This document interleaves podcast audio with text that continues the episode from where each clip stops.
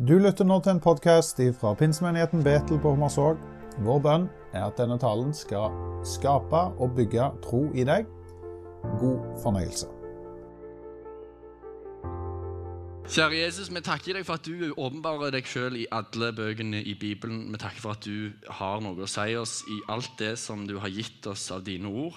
Ber om at vi skal ha noen hjerter som er villige til å ta imot, sånn at vi kan eh, eh kjenne at det virker i, eh, i eh, denne måneden og i dette året som ligger foran oss.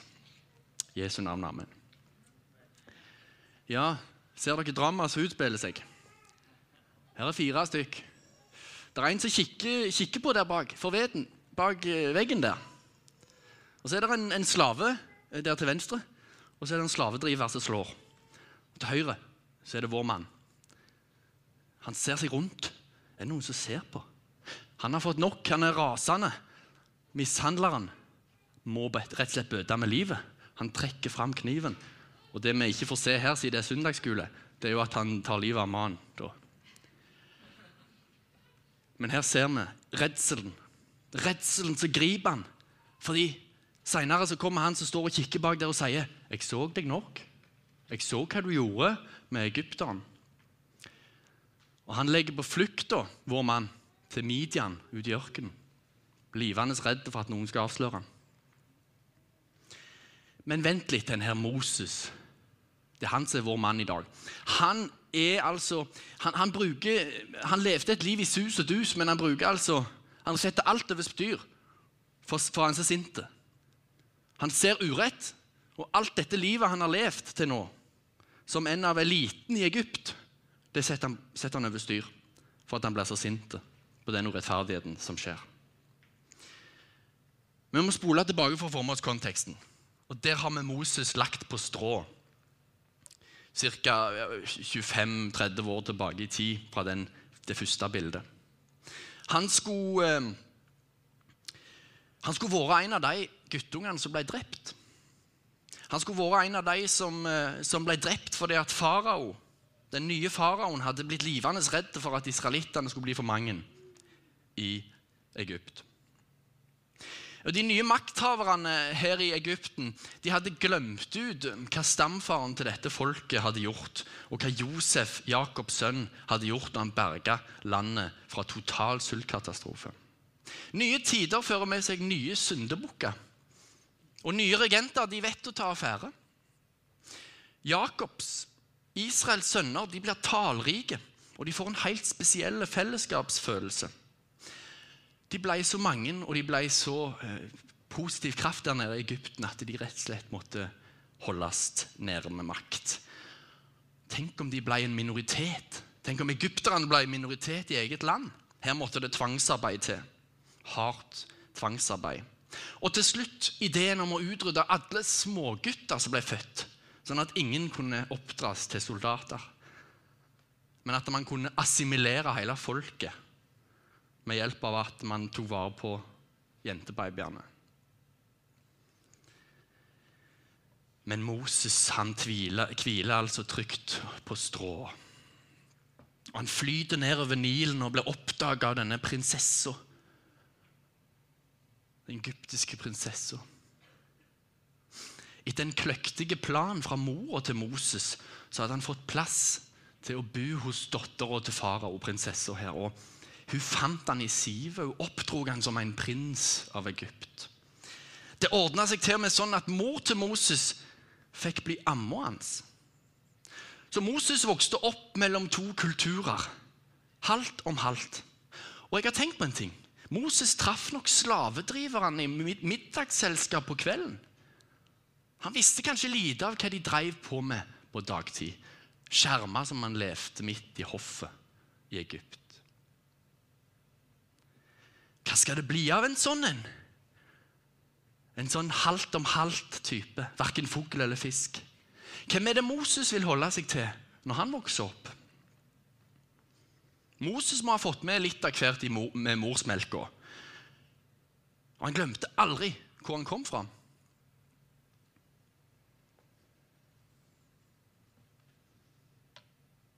Han beviser det når han denne gangen, ute på vift, får øye på hva som faktisk skjer på dagtid når han holder seg skjerma. Han ser urettferdigheten, mishandlinga, som hebreerne, hans folk, er utsatt for.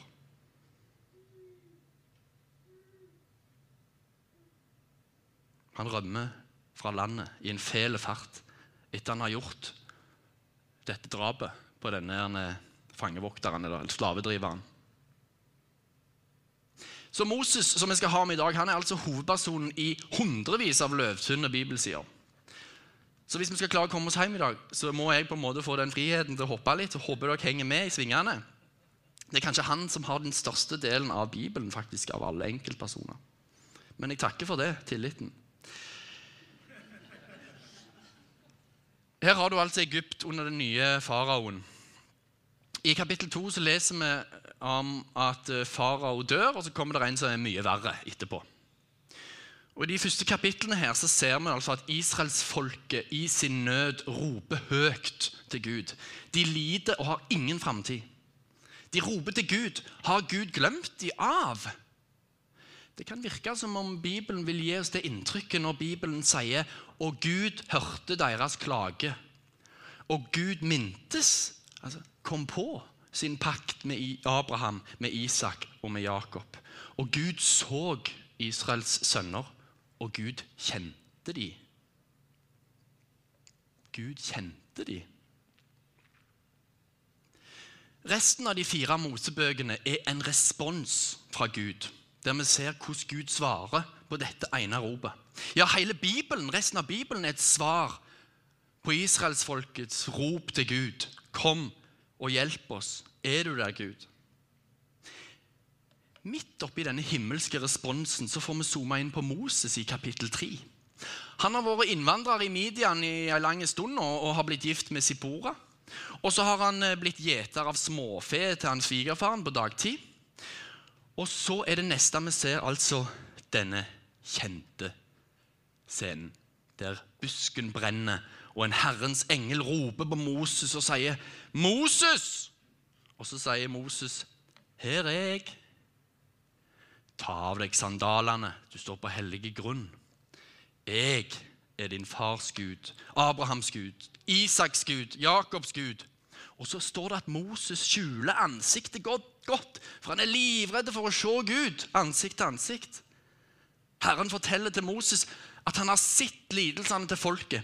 Han har nå steget ned fra himmelen for å lede dem ut av Egypt og inn i et land som flyter av melk og honning. Moses' svar er Hvem er jeg? Hvem er jeg at jeg kan gå til farao og føre Israels sønner ut av Egypt? En flyktning, en fordreven. Attpåtil en som har vokst opp blant de som mishandler folket hans. Men så sier Gud, 'Du skal si, jeg er, har sendt deg'. For Han lurer fælt på hva skal han si. Hvem skal, hva skal han si uh, har sendt meg? Jo, du skal si 'Jeg er, har sendt deg', svarer stemmen ifra busken. Og Det er her Guds navn dukker opp for første gang i Bibelen. Javé, jeg er. Han er den han er. Moses får møte Gud og lærer faktisk navnet hans. Han er Gud. Han er Javé. Og Gud han har klar en slagplan. Han vet at farao ikke kommer til å slippe, slippe de uten at han blir tvungen til det av en sterkere makt. Gud skal vise farao hvem som har makt, og Moses skal tale Guds sak for folket. La folket mitt gå, skal Moses få lov til å si. Og Moses tviler enda en gang umiddelbart på sine egne evner. Hva så hvis de ikke tror meg? Her har du en stav, sier stemmen. Og så blir, stemmen, nei, så blir eh, staven til en slange. Stikk hånda under kappen din, sier stemmen igjen. Og så tar Moses hånda inn i kappen, så kommer ut fotla spedalskhet. Stapper han inn igjen, sier stemmen. Så stapper han han inn under kappen, og så drar han ut igjen så er han frisk. Veldig mye spennende her. Eh, men det viktigste er altså da at Moses tar poenget. Han skjønner at Gud kan greiene sine. Men sin egen sjøltillit er det verre med. Etter å ha sett disse flotte slanger Jeg liker ikke slanger, men så tar han opp staven igjen og alt, alle slags mirakler her, så sier han Herre, jeg har aldri vært noen ordets mann. Treig er munnen min. og sein er tunga mi.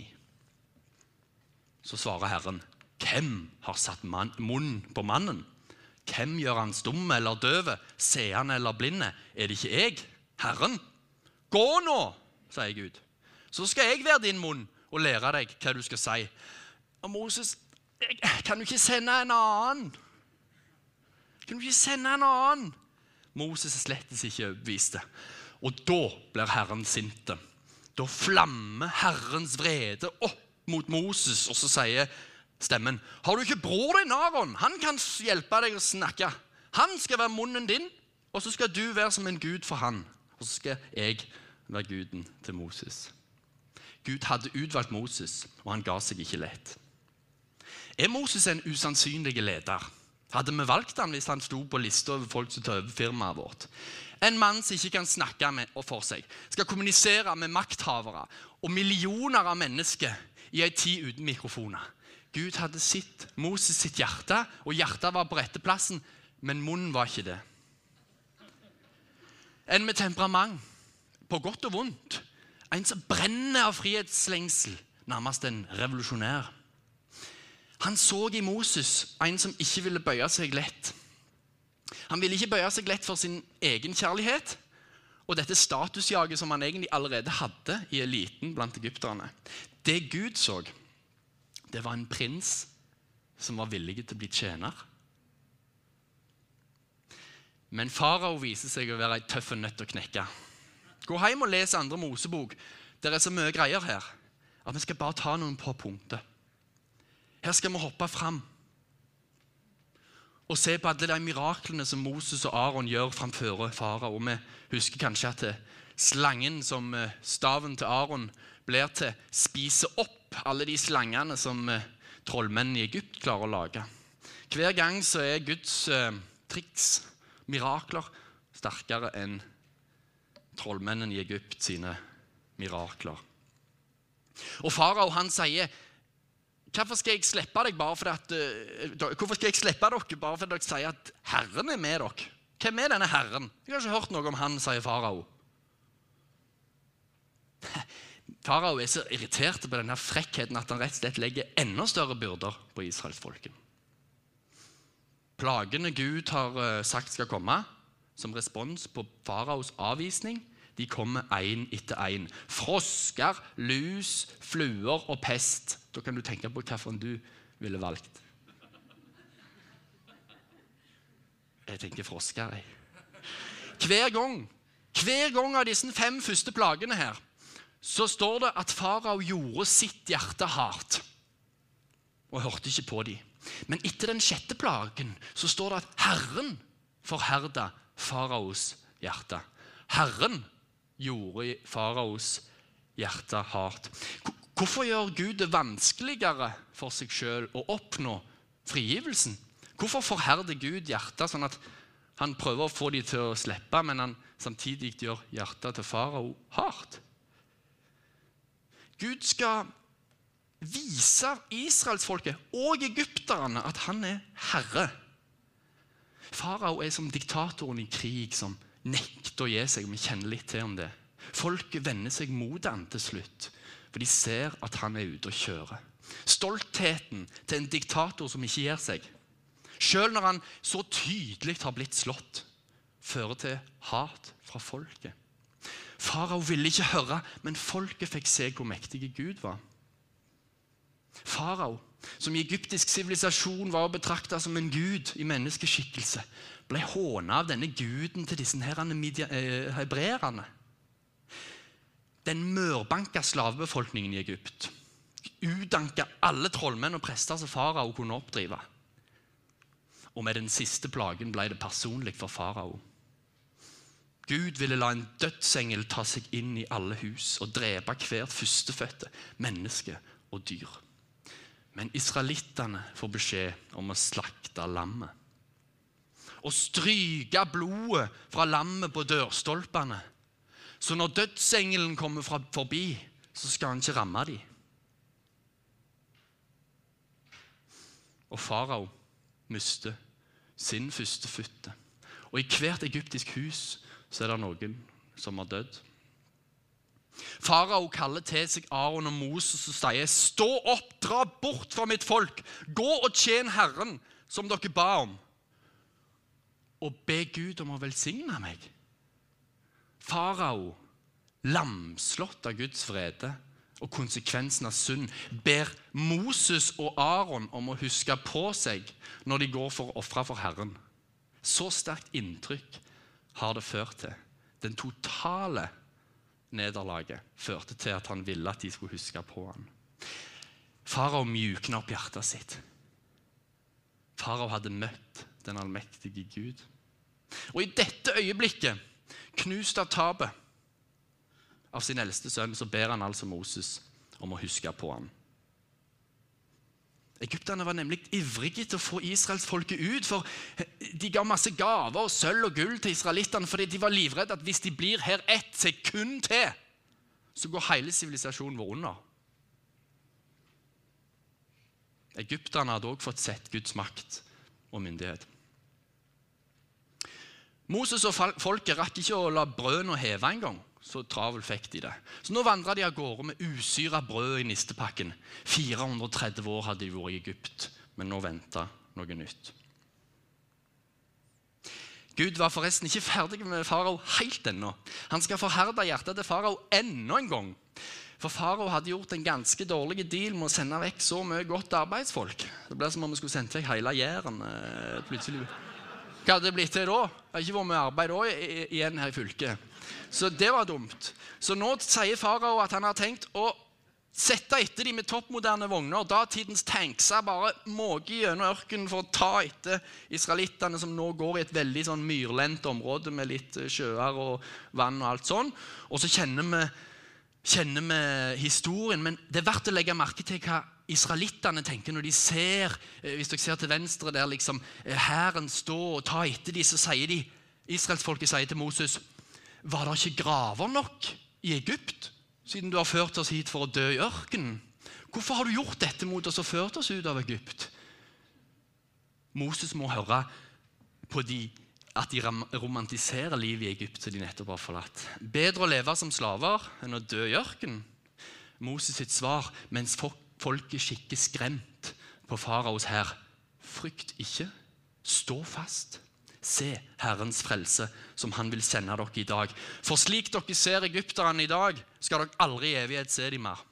Herren skal stride for dere, og dere skal være stille. På Guds befaling delte Moses sjøen i to, og israelsfolket gikk tørrskodd over, mens faraos hær gikk under i bølgene. Og Gjennom alt dette viser Moses at det er Herren som gjør det.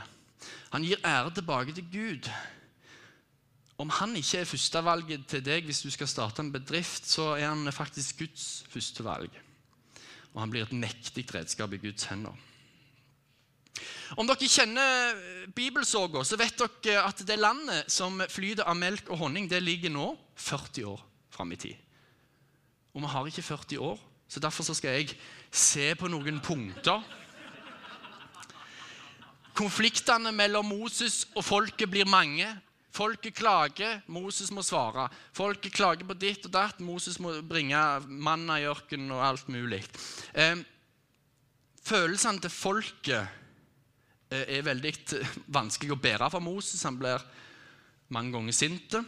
Men jeg vil trekke fram fem fjell nå til slutt her. Og Nummer én det, det er Sinai. Dette er plasser der Gud åpenbarer hvem han er, og Moses har en sentral rolle. Fem fjell. Nummer én er altså Sinai. Og herligheten til Gud stråler som to horn fra Moses sitt hode. står det. På Sinai får folket tidlig på reisa si inngå en pakt med Gud. Gud er en nådig Gud, en barmhjertig Gud, men han er òg en rettferdig Gud. Moses går opp på Sinai-fjellet og møter Gud. Fjellet står i full flamme fordi Gud har steget ned på fjellet i ild. Skrekkslagne kan folket følge med. Tenk, der oppe er Moses og snakker med Gud. Men Moses drøyer. Uten Moses i nærheten kommer folket med ideen om å støype seg en gullkalv. Og så danser de ofre rundt statuen. Dette peker de på kalven. Dette er Gud som førte dere opp fra Israel'.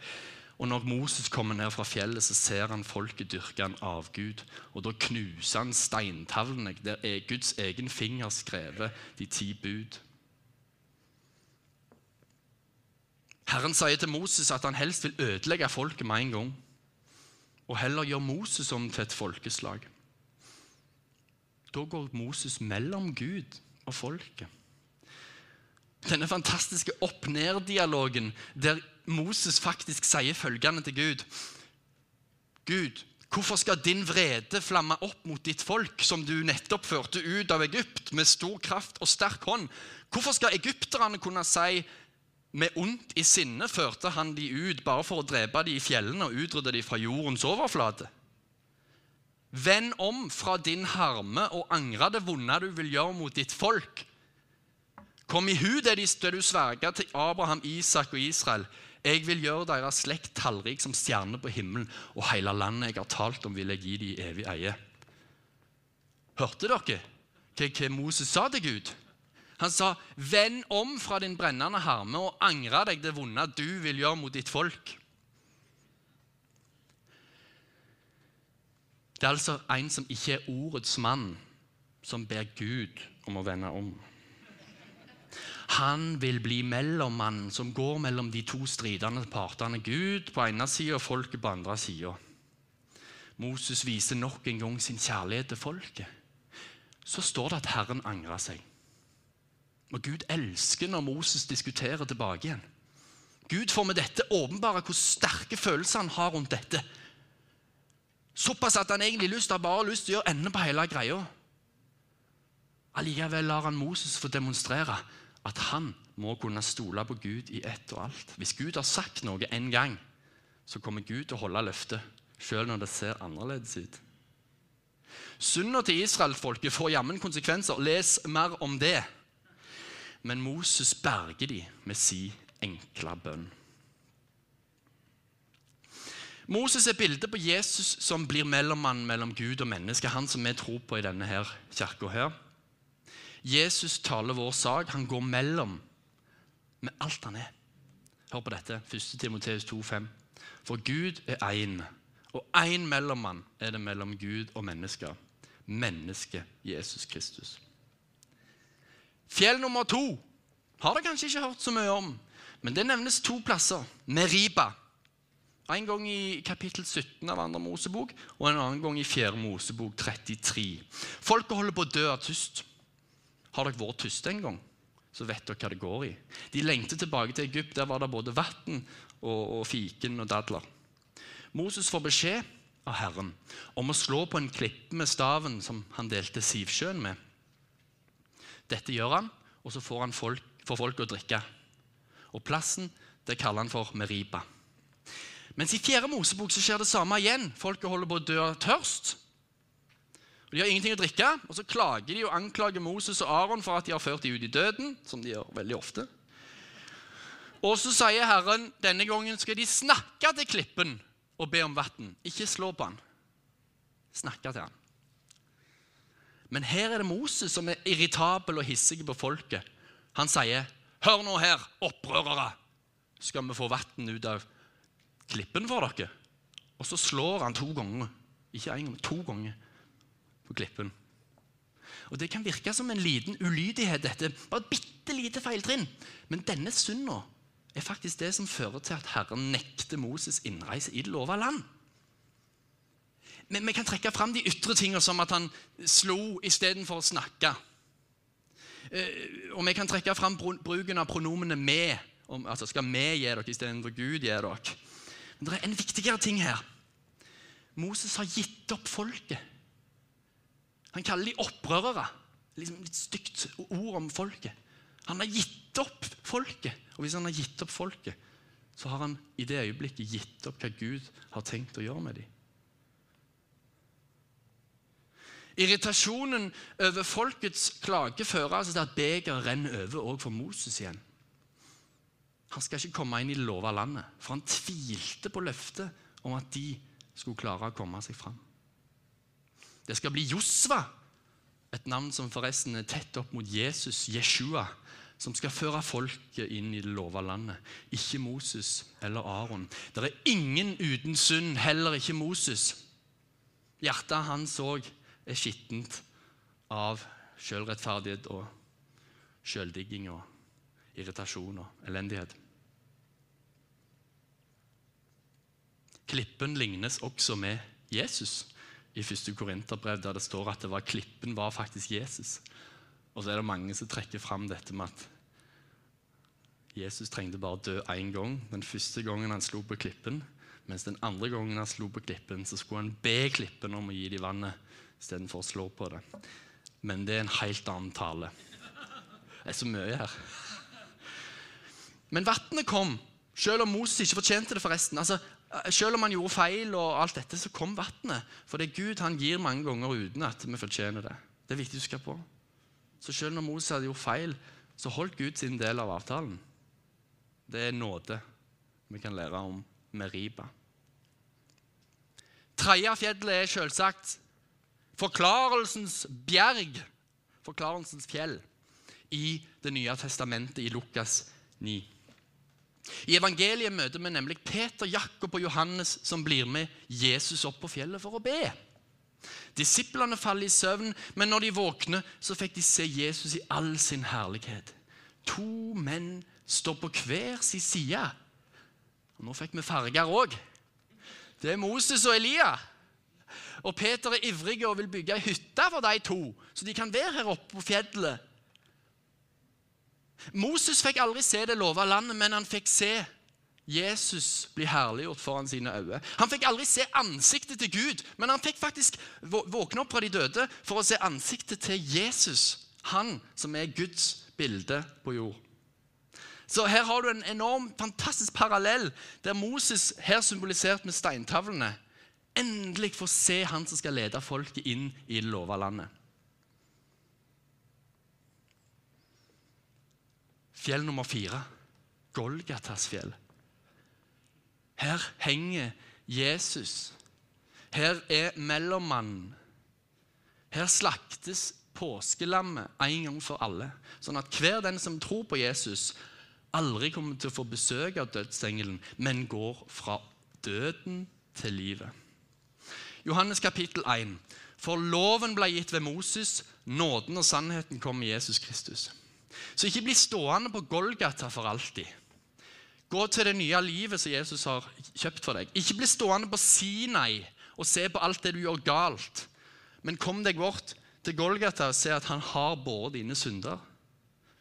Fra fjell til fjell. Det er mange kristne også som blir stående på Sinai i sin jakt etter å føle seg fjonge og fine og fromme. Kom deg til Golgata, for der er det en som er større enn Moses. Sannelig sier jeg dere, sier Jesus, den som hører mitt ord og tror på Han som har sendt meg, han har evig liv og kommer ikke for dommen, men har gått fra døden til livet. Fjell nummer fem. Det må vi ha i, i svart-hvitt igjen, for det, det, blir så flott at vi kan ikke liksom prøve å lage den fargespekter som skal komme på den nye jorda. Jeg som er litt fargeblind, rødgrønn fargeblind, jeg gleder meg spesielt til det. Fargene på den nye jorda. blir Spennende. Alt ser så grått ut. Jeg vet ikke om dette er grønt eller brun bukse. Må jeg spørre henne. Grønne. Jeg ser han er brun eller beige. eller noe sånt. Men det, her har dere det nye Jerusalem.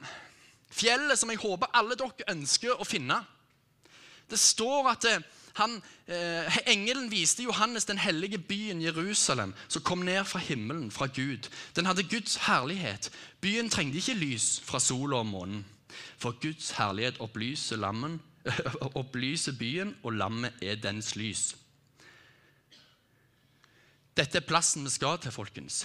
Dette er fjell nummer fem. Dette er det siste fjellet, fjellet der det nye Jerusalem blir plassert på en ny jord der vi skal gå med hender og føtter og leve sånn som Gud hadde tenkt at vi skal leve. Ikke i slaveri. Ikke på Sinai med å bare se på alt som er gale, men sammen med Jesus for evig. Helt til slutt. Gud velger ut mennesker den dag i dag. Han har en plan for ditt liv. Moses kan av og til tenke som en perfekt leder. Men jeg vil snu på det. Vi må ikke glemme hans usikkerhet, hans, hans tilkortkommenhet. Eh, men ved å holde seg tett på Jesus. Og jeg sier Jesus, for jeg vet at det var han som var klippen. Ved å holde seg tett på Gud så fant han styrke til å redde folket sitt for slaveri. Og jeg vil si, jeg vil heller snu på det og si hvis Moses kan, så kan du. Vi har fått Den hellige ånd i rikt mål etter første pinsedagen i år 33. Hvis Moses kan, så kan iallfall du. Gud vil sette deg fri. Og Bare legg fra deg alt stress og all sjølforakt og all tilkortkommenhet på Han. Så vil Han gi deg styrke til å bety noe for andre. Og verden er full av folk som lever i slaveri. Syndens slaveri er elendig. Det, øh, det, må vi kjenne på alle sammen. Jeg kjenner på det hele tida, hvordan det er ting som drar meg ned.